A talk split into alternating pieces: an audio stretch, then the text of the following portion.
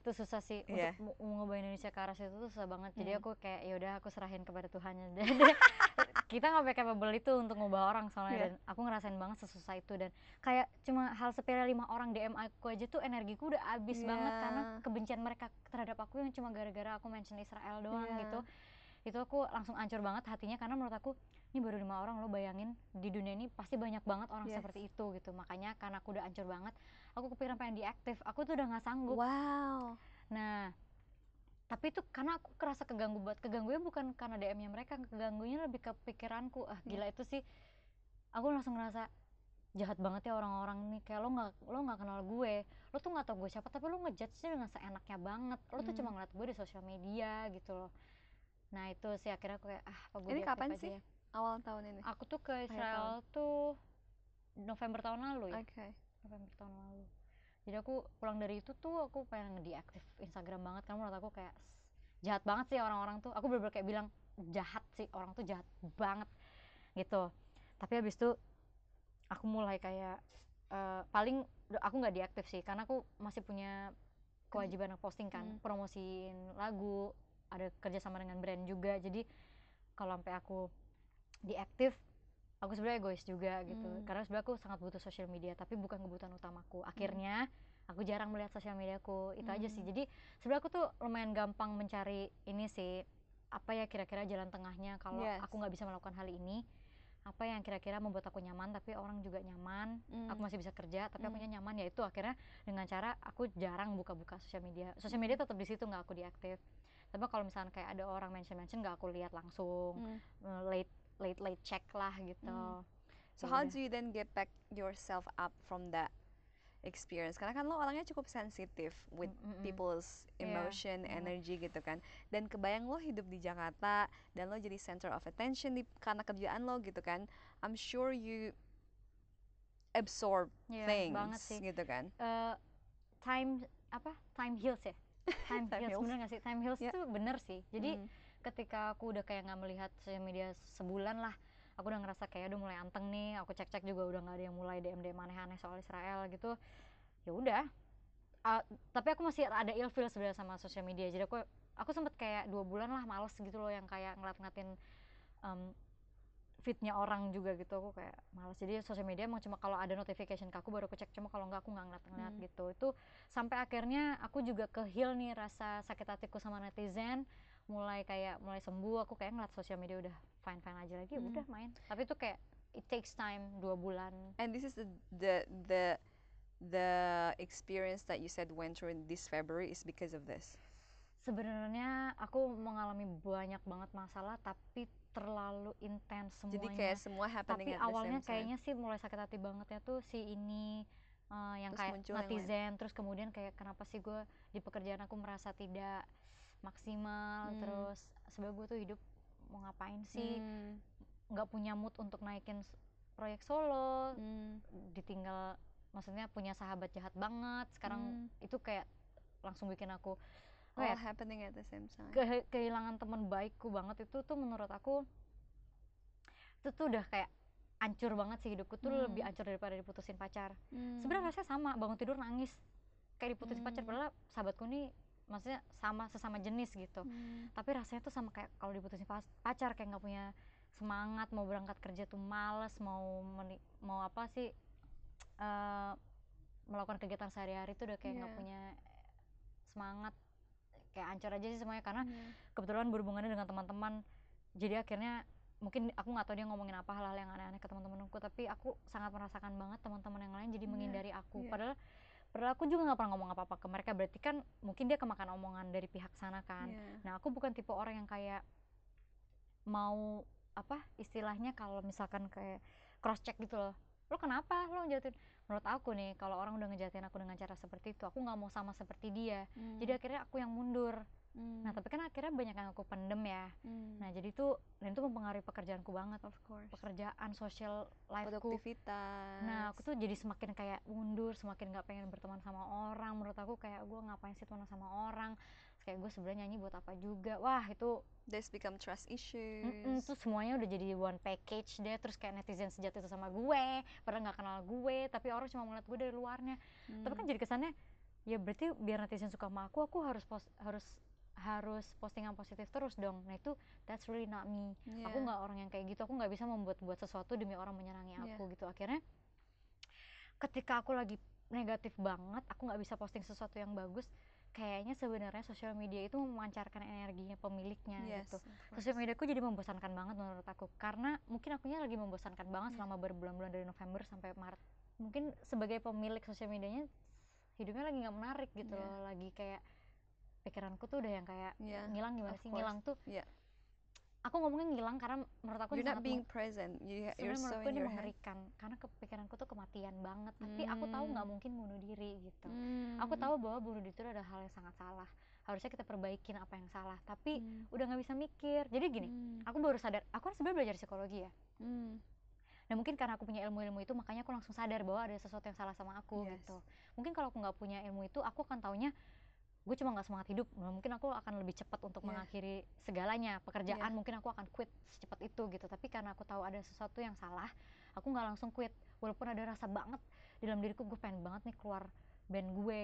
Gue pengen nggak mau nyanyi lagi. Pengen Gua- matiin sosial media. gue pengen hilang banget di ujung dunia yang orang tuh nggak bisa ngeliat aku gitu atau sama dengan kematian kah apa gimana? Tapi dia gini Hmm. kalaupun itu kematian jangan gue yang mengakhiri tapi apa pun akhiri gue lah gitu. Gue udah kayak gue udah gak semangat hidup Wow. banget gitu. Kerjaanku cuma nangis sebu- sebulan full tuh nangis doang.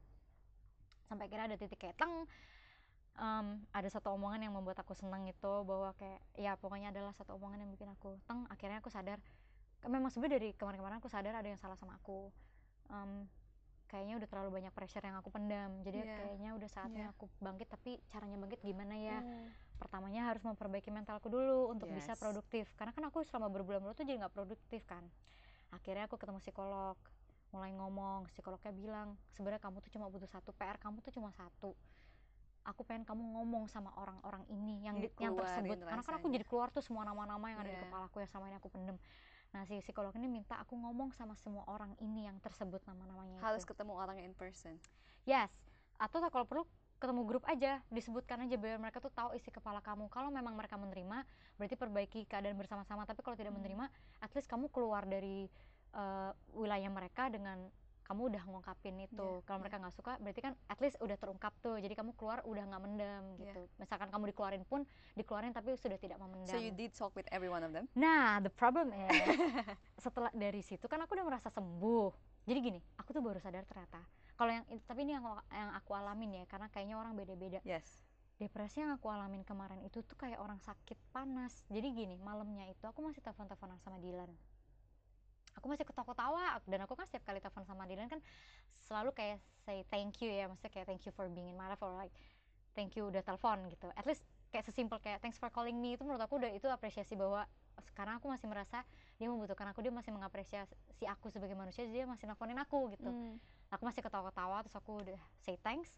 Bangun tidur tuh aku langsung runtuh banget padahal nggak ada apa-apa. Berarti kan Hmm. aku nggak ada masalah di percintaan, aku tidak ada masalah di pertemanan, Hmm. di keluargaku baik-baik aja. Tapi bangun tidur tuh aku langsung kayak kenapa aku sesedih ini ya kayak apa sih kok gue kayak kehilangan sesuatu tapi gue nggak tahu apa ya itu aku langsung nangis dari situ sampai 30 hari ke depan tuh aku nangis terus Wow. aku, tanpa aku tahu ap, kenapa yang buat gue menangis ya?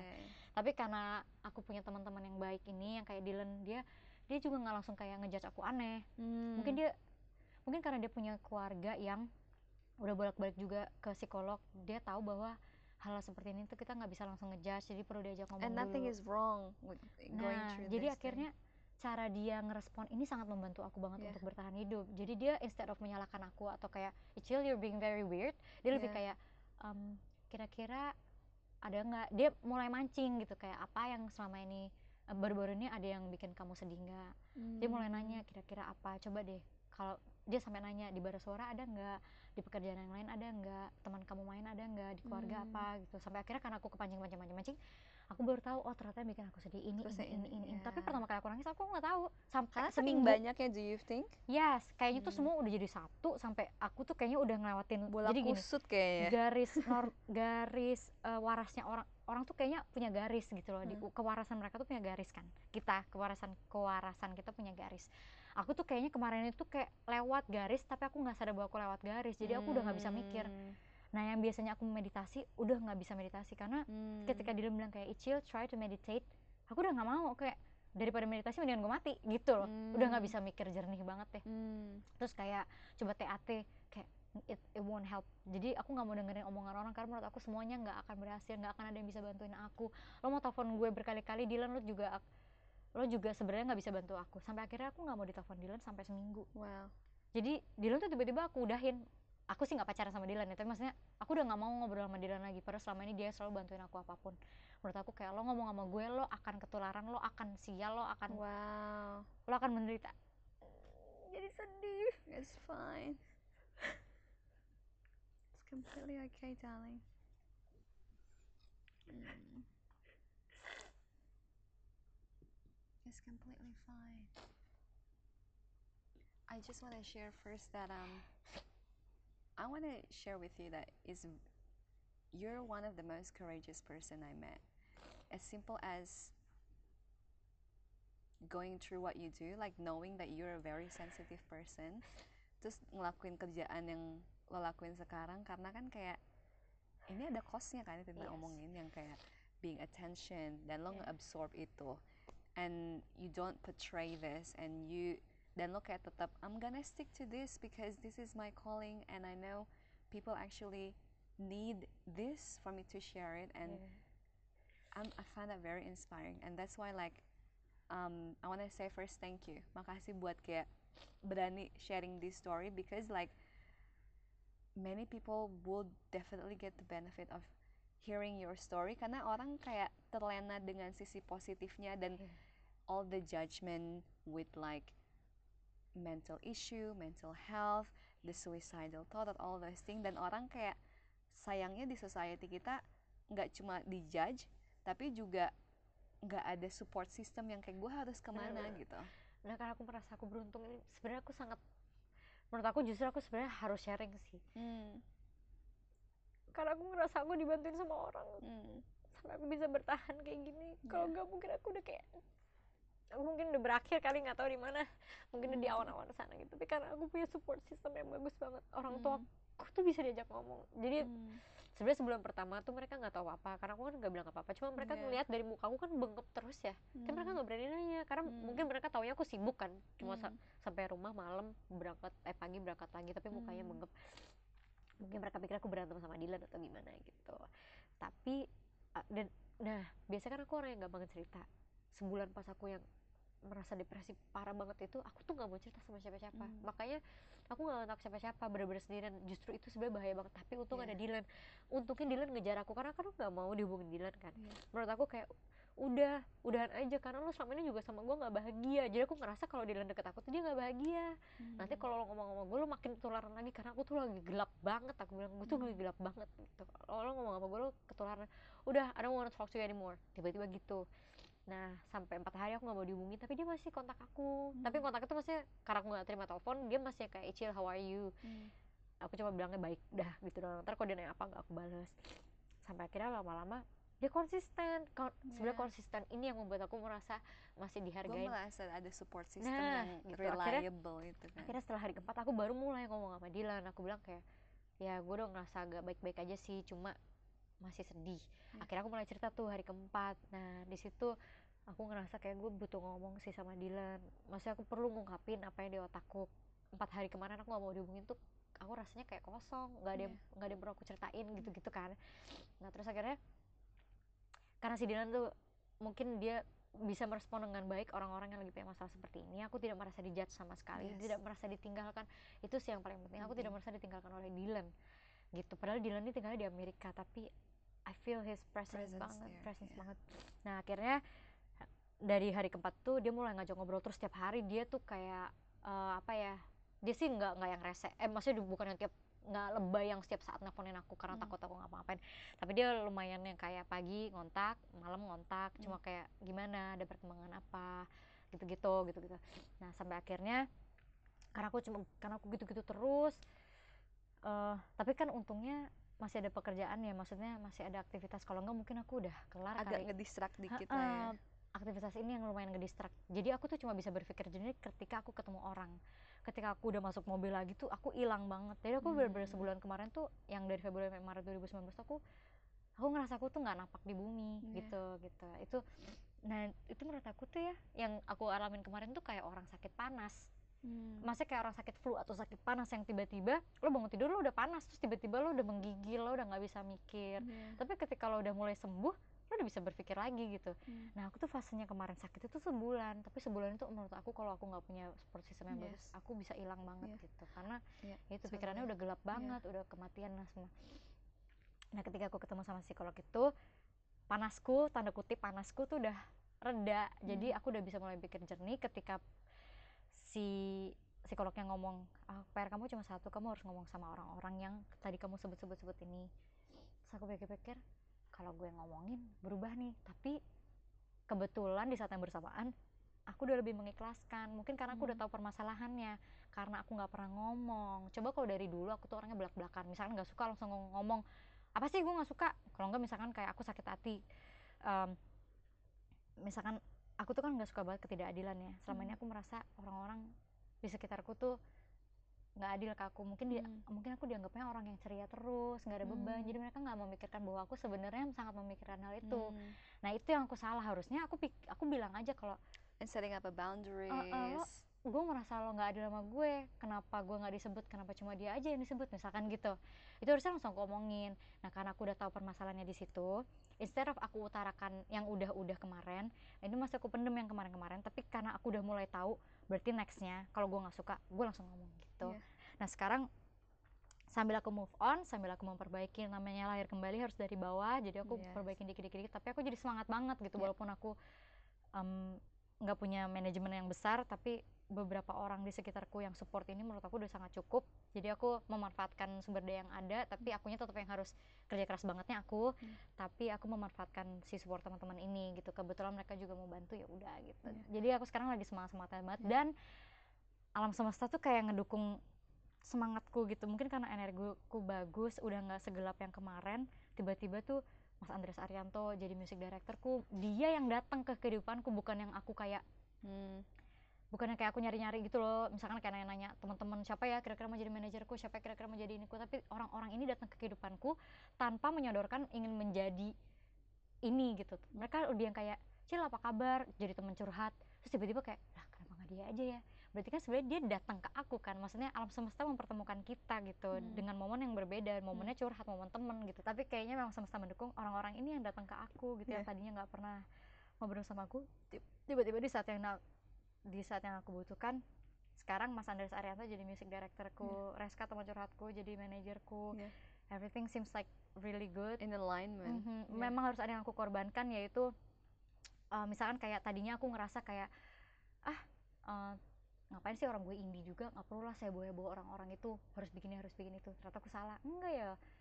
Kalau lo mau kalau lo mau dilihat sebagai maksudnya kalau lo levelnya ingin dilihat sama seperti si A ya lo harus mengorbankan sesuatu lebih untuk bisa mencapai level yang sama itu gitu. Nah itu hal-hal mindset mindset seperti itu yang aku korbankan. Akhirnya Iya. jadinya aku nggak gue harus berkorban lebih. Mungkin berkorban eh, bayaran berkorban uang berkorban tenaga at least untuk bisa mungkin nggak bisa seperti mereka tapi Iya. menyamakan sedikit lah. Iya. tapi at least tidak sesantai yang dulu gitu. Iya. dulu tuh aku kesantaian banget.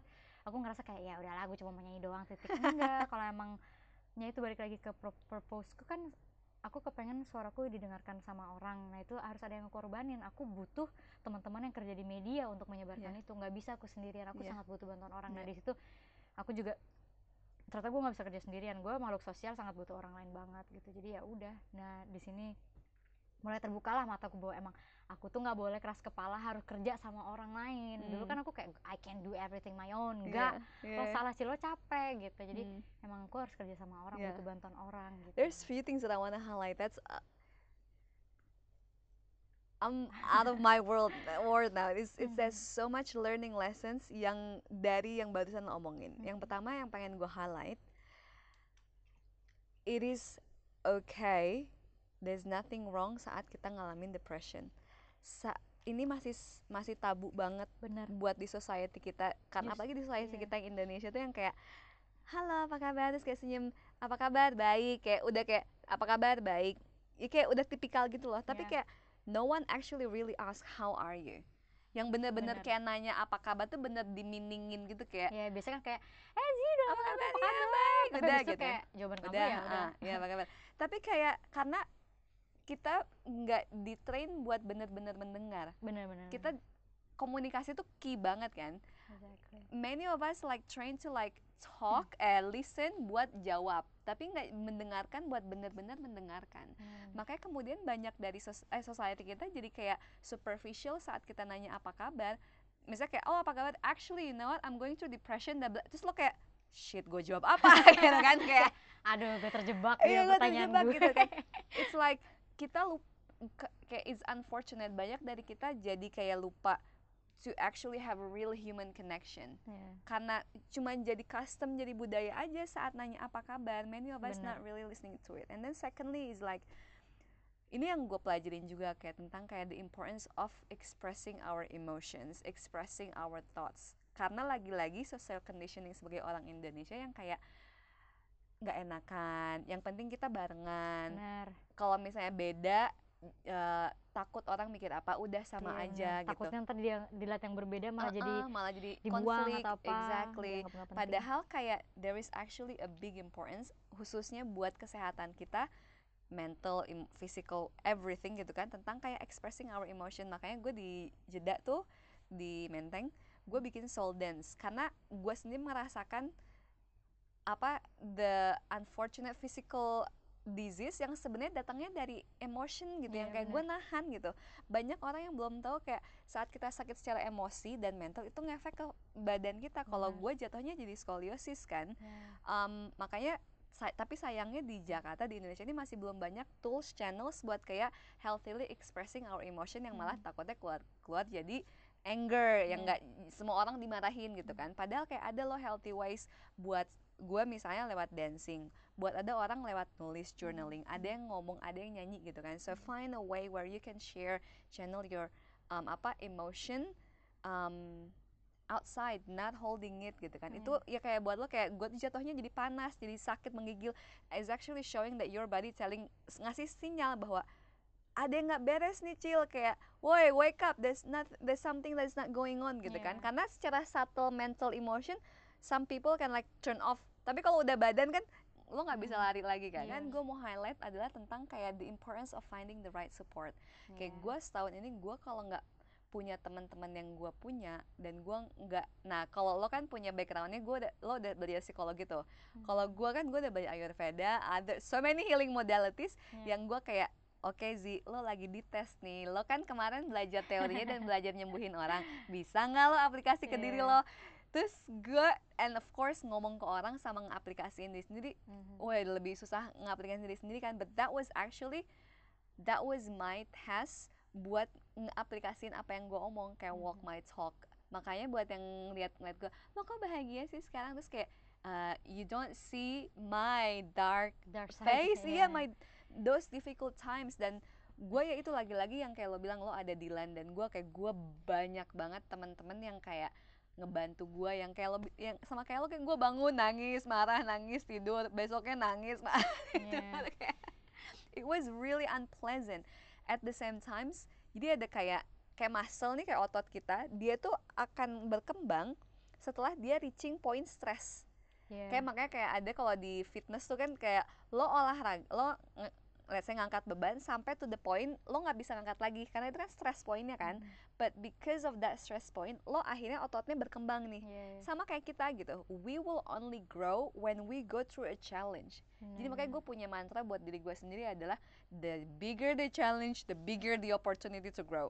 What doesn't what doesn't break us make us gitu kan. So in this case I am so glad to Iya. see that it makes a much better version of you yang kayak lo sekarang Bener, jadi bener. kayak turning point buat kayak gue makin semangat nih buat ngejar mimpi gue mungkin sebenarnya karena kita udah mengalami fase itu kita jadi karena karena fase itu kita jadi belajar kan Yes. makanya sebenarnya nih kalau kayak untuk teman-teman yang ngedengerin mm, kalau memang ada yang nantinya amit-amit ternyata mengalami hal yang serupa kayak aku alamin atau Zia alamin kayak lo yakin deh harus ngelewat lo harus bisa ngelewatin ini harus survive karena ketika udah karena udah ngelewatin ini lo tuh bisa jauh lebih baik banget Exactly. lagi dari lo yang sebelumnya gitu karena kan sebenarnya banyak orang yang nggak sanggup makanya akhirnya eh, kelar di tengah jalan kan Iya.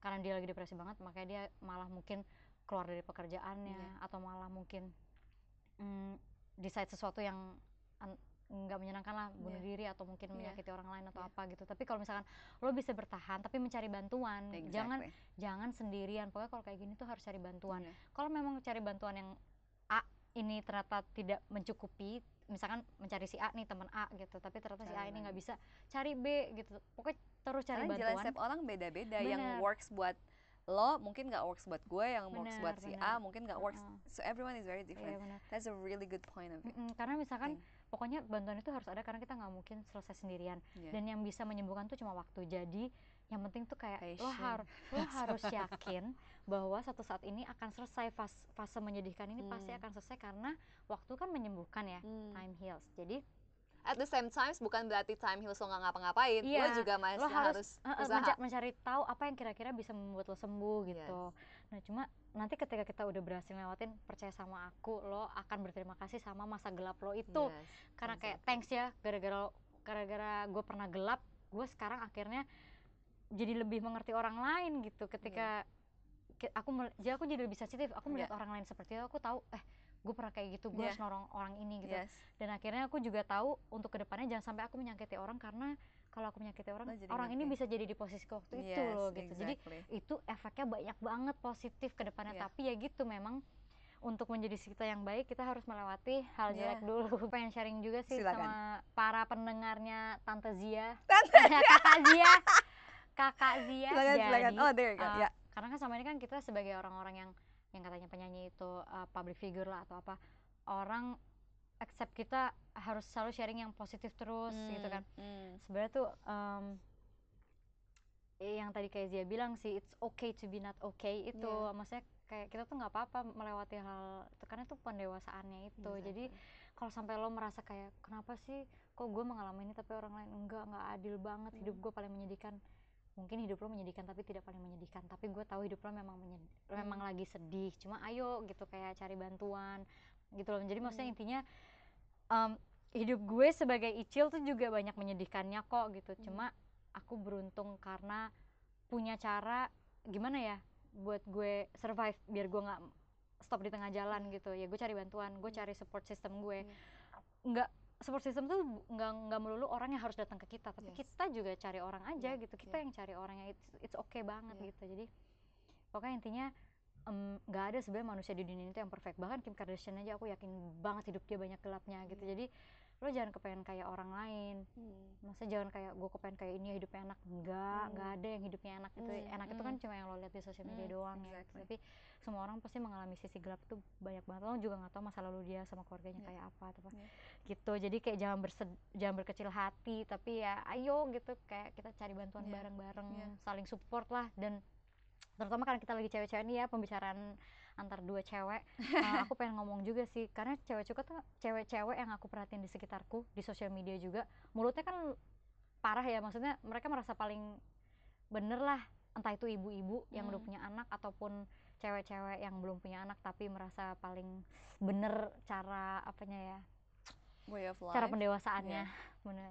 Nah mm, kenapa sih lo nggak saling support aja gitu? Karena kan lo tahu mungkin lo beruntung dapat pendidikan yang lebih bagus atau uh, wawasan yang lebih bagus kenapa lo harus ngatain cewek lain yang caranya nggak sama kayak lo Hmm. gitu jadi instead of uh, lo ngatain cewek lain kita sebagai sesama cewek saling support aja Yes. gitu and today's podcast I want to like share akhirnya gue ketemu nih quote-nya ini Yes. dari Rumi it Ah. says like the wound is the place where the light enters you jadi kayak rasa sakit itu sebenarnya adalah tempat di mana cahaya Mhm, pencerahan gitu kan mhm, datang ke kita. Mhm. and this is Benar. dan itu tuh gue kayak gue nemu ini tuh di restoran gue inget banget langsung gue tulis. Serius di iya restoran? iya iya. Eh restoran ubud ada Ah, quote ya oh, boy pantesan. Aku baru mau kayak restoran restoran apa macam yang, apa? yang orangnya tuh udah visioner Iya, soal spiritual gitu Orang- ada. Orang gue inget ada ada bahkan satu quote lagi kayak Ternyata ubud. This is a really good one as well. Ini dari Rumi juga. Ini di restoran juga nih. Restoran Ubud tentu saja. Kayak, we are not a drop of uh, water in the ocean. We are an ocean in a drop.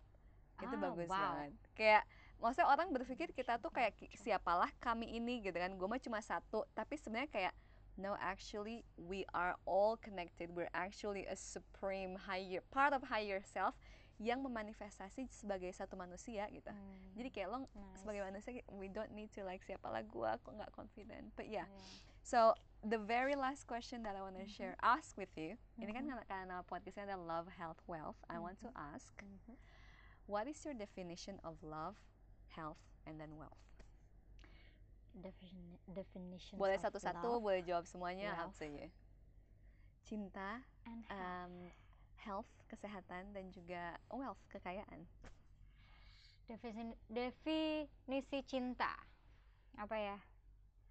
Eh, definisi cinta tuh ya perasaan mengasihi aja sih. Hmm. so itu bisa kepada siapa pun. Hmm. kayak aku tuh sebenarnya kan punya rasa cinta tuh gede banget. Makanya aku tuh suka stres kalau nggak bisa disalurin gitu. Hmm. tapi kan penyalurin tuh bisa ke apa pun. Kayak aku kan nggak punya pacar. Hmm.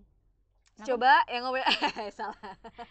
Tapi aku bisa nyalurinnya ke banyak banget orang dong. Kayak Yes. ke teman makanya aku tuh sebegitunya aku tuh sebagai teman tuh romantis. Apalagi kalau aku udah kayak suka banget sama orangnya seneng dia jadi dia jadi seperti tempat sampah cintaku gitu. Karena aku punya banyak cinta banget. Udah Buat aku bagi ke keluarga udah ke diri sendiri udah banget gitu. Aku sangat appreciate diriku sendiri makanya mungkin karena aku udah banyak kasih cinta ke diriku makanya aku nggak terlalu membutuhkan pacar mungkin ya. Iya. walaupun seben tapi maksudnya punya pacar bukannya salah buat aku. Kalau tapi satu saat kamu tidak menggunakan itu buat kayak bikin gue bahagia. Ya kalau suatu saat aku punya pacar itu oke gitu. Karena aku juga butuh teman ngobrol. Tapi kebetulan aku punya teman ngobrol yang senan, senantiasa ada di telepon kayak Dylan itu udah cukup menurut aku gitu. Hmm. karena mungkin aku bukan tipe orang yang butuh physically mungkin ya. Karena Hmm. orang beda-beda kebutuhannya. Kalau aku enggak karena mungkin aku udah dapet cinta secara fisiknya orang tua ada di rumah dua-duanya alhamdulillah masih sehat semua. Jadi itu menurut aku udah sangat cukup banget. Nah rasa cinta yang nggak bisa tersalurkan karena nggak punya pacar atau ke keluarga udah cukup ke diri sendiri cukup akhirnya ke teman-teman aku kadang suka romantis banget kalau ke teman Hmm. romantisnya ya aku lagi pengen kasih apa padahal nggak ada apa-apa ngasih Hmm. barang so for you love means like being compassionate towards yourself and another and another I, yes. ask, I guess without and apa expecting anything in return I think that's a Yes. high light yang gue lihat dari lo lo kayak very generous like kayak lo bilang gue kalau udah sayang sama orang ya gue kasih banget benar sih atau misalnya orang nggak dikenal pun kalau emang orangnya menurut aku bisa aku bagi-bagi rasa sayangku ya misalnya kayak sama fans-fansnya Bara kan mereka ada yang suka rajin banget tuh ngedem DM aku akhirnya aku jadi Hmm. malah merasa teman dengan mereka walaupun sebenarnya personalnya aku bukan teman sama mereka Iya. kita tetap orang asing tapi aku udah terbiasa dengan keberadaan kamu di sosial mediaku Iya. jadi menurut aku dia udah part of my life gitu jadi kalau Hmm. suatu saat dia di depanku tiba-tiba dia misalnya ketubruk becak gitu aku bakal marah banget sama si becak itu karena you hurt my Hmm. Instagram friend gitu Iya, mungkin gue cuma kenal sama lo Instagram Iya. tapi lo udah part of my life jadi Iya. kalau suatu saat orang itu butuh bantuan lo kayak jangan segan-segan sih Iya. gitu aku akan membantuin sebisaku banget Hmm. misalnya dia butuh bantuan apa mungkin aku akan carikan di tempat lain Iya. untuk ngebantu dia gitu tapi aku segampang itu bisa punya koneksi sama orang sebenarnya selama orang itu memang nggak punya niatan jahat sama aku Hmm. aku tuh pasti langsung terkonek sama Hmm. orang itu saking aku punya cinta yang gede banget aku memang butuh mengkoneksikan dengan orang-orang Yes. karena aku butuh kalau Iya. enggak eh, aku bisa meletus nih Iya kayak gitu. kelebihan kan kalau misalnya ditaruh Iya, malah meledak bener exactly. nah itu itu kalau So cinta ya your definition of health now kalau health kesehatan kesehatan badan sama kesehatan mental karena aku emang orangnya concern banget soal mental menurut aku mental ya harus seimbang sih. Cuma karena aku anaknya bukan yang makanan bersih bukan yang makanan makanan sehat gitu ya kayak juga makanan anak-anak ubud. Tapi makan apa pun aku kayak junk food I eat it gitu, walaupun nggak sering. Tapi maksudnya aku bukan orang yang milih-milih makanan. Jadi jadi mungkin aku lebih kayak put mental first. Karena kalau makanan udah pasti aku makan. Aku bukan orang yang nggak pernah makan kan. Aku suka banget makan tapi Hmm. aku nggak pernah yang kayak makanan gue harus makanan sehat. Aku nggak bisa Hmm. makan fat. Aku nggak bisa makan Hmm. ini. Aku nggak gitu. Jadi akhirnya ya kalau makan udah pasti aku makan.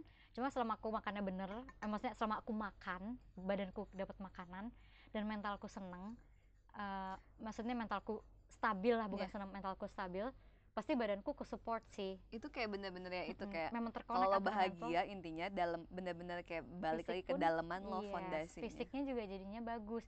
Kalaupun aku flu tapi oh aku jadi ini kunci six abs lo adalah bahagia cerita bisa jadi.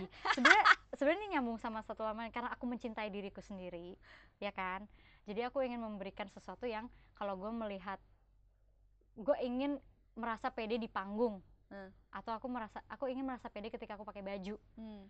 jadi aku memberikan hadiah adalah ya gue harus punya eh, badan yang at least enak dilihat lah ketika pakai baju gitu Hmm. itu sebenarnya apresiasi ke diri sendiri Hmm. aja gitu bukan untuk ya telah Iya, Nah, iya, oke. suka Siap. sirik nih, Hmm. six pack banget gue. aku udah enggak loh aku udah susah metabolisme udah tua tapi biarin aja yang penting nggak kelebihan daging Terus wealth, wealth last one. wealth apa tadi ya Wealth, love health wealth. Kekayaan apa Wealth, sih? What is kekayaan. kekayaan buat lo? What kekayaan kalau misalkan ngomongin duit gue jauh banget ya sama orang-orang kaya kan karena kaya tuh sebenarnya kan balik lagi arti kaya tuh apa Nah, gitu. exactly. Apa Nah. sih kaya buat lo? Kaya itu yang penting punya duit untuk bayar tagihan-tagihan. Cukup buat makan cukup. Intinya buat cu- cukup lah eh, dan ada yang bisa aku tabung lagi untuk ke depannya misalkan nanti suatu saat aku harus pensiun dini. Karena kan namanya juga eh, kita kan pekerjaan penyanyi nggak ada yang support nanti ya jaminan masa tua pensiun. Jadi at least punya duit yang bisa ditabung untuk masa depan sama untuk makan sama bayar tagihan. Menurut aku untuk uang tuh udah cukup tapi kaya lagi adalah jika kamu punya pengalaman gitu. Hmm. makanya aku sebenarnya mungkin karena aku belum punya beban berkeluarga ya eh, karena aku belum berkeluarga jadi aku tidak punya beban. Akhirnya aku memperkaya pengalaman aku karena kan aku Hmm. anaknya sebenarnya dulu naif banget. Hmm. aku tuh sampai sekarang sebenarnya aku naif banget. Aku tuh nggak bisa ngeh yang kayak kehidupan orang tuh gini gini gini. Jadi kalau orang lagi ngosipin orang lain aku tuh suka nggak connect gitu loh kayak oh ternyata dia gini ya? Ya Rachel udah dari dulu tahu orang kayak gitu oh gue pikir dia orangnya lurus-lurus aja. Karena aku pikir semua orang itu hidupnya lurus gitu. Hmm. sampai akhirnya aku baru belajar dari orang lain.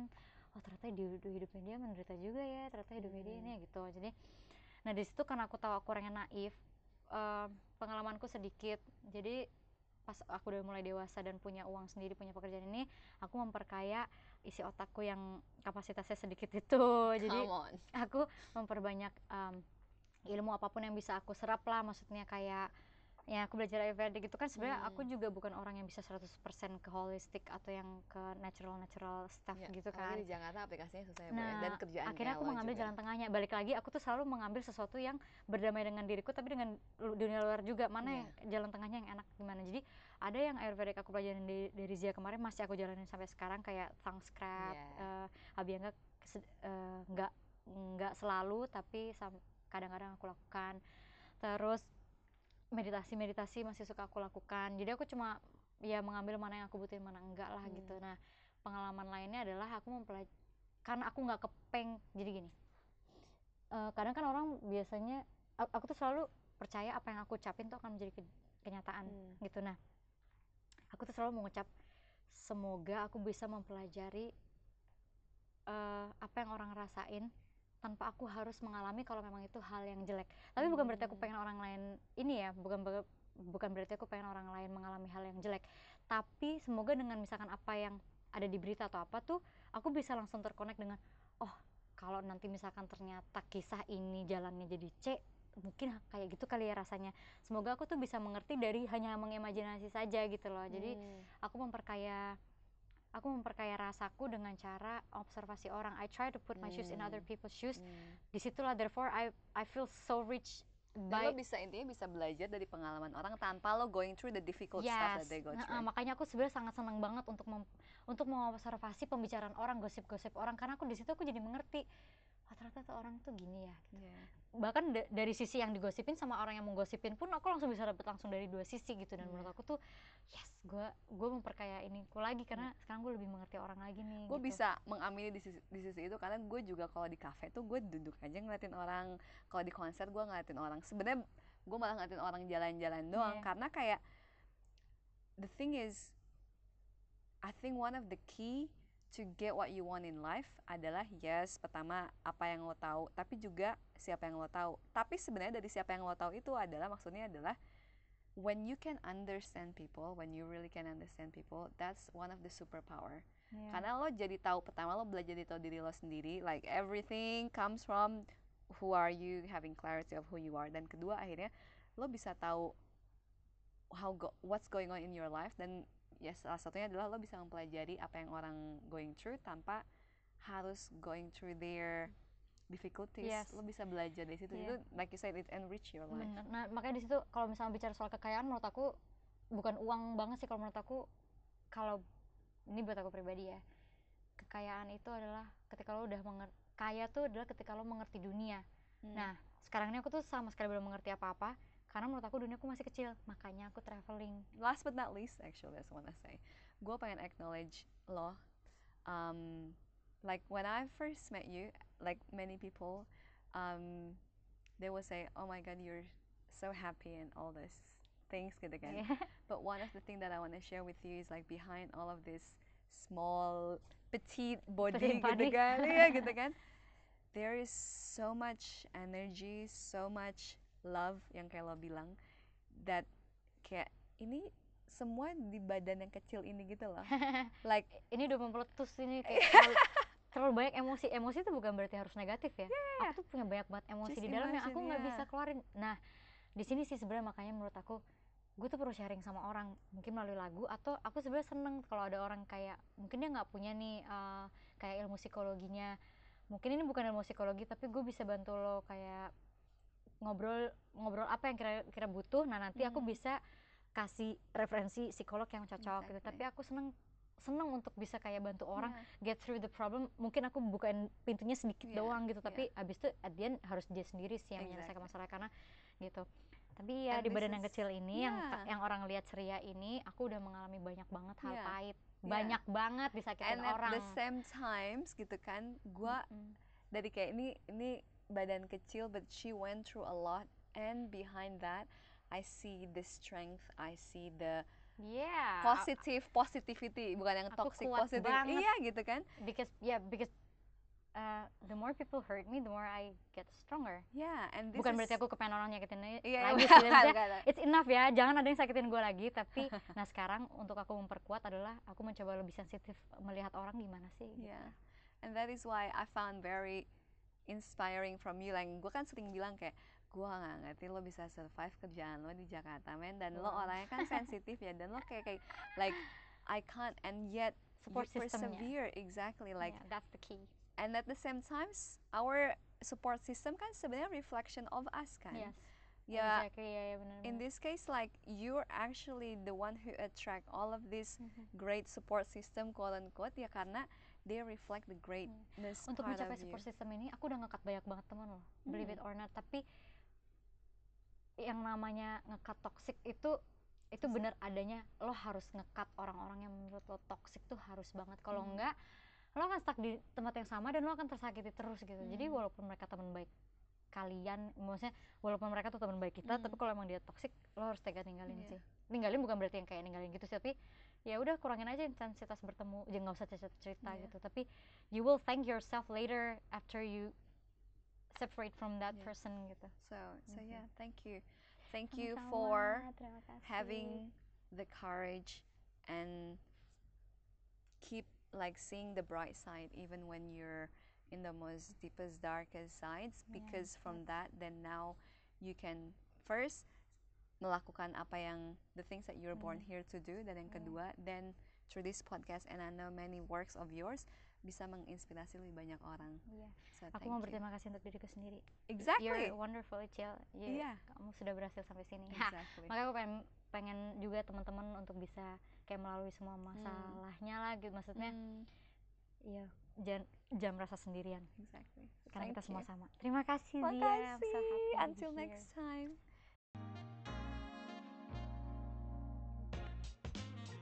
So that's the inspiring interview for this week, and I hope you get benefits from it. Now, to get even more out of this interview, here's what you gotta do share this interview on your social media, tag me at Zia Kusumawardini, and write down your learning points from this interview. Not only you can retain the information better, but by doing so, you can also inspire others to create a life they love.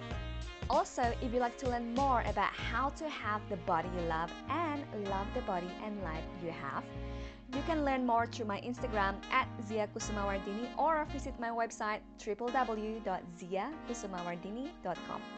Lastly, I'm looking forward to having you in the next episode. Bye!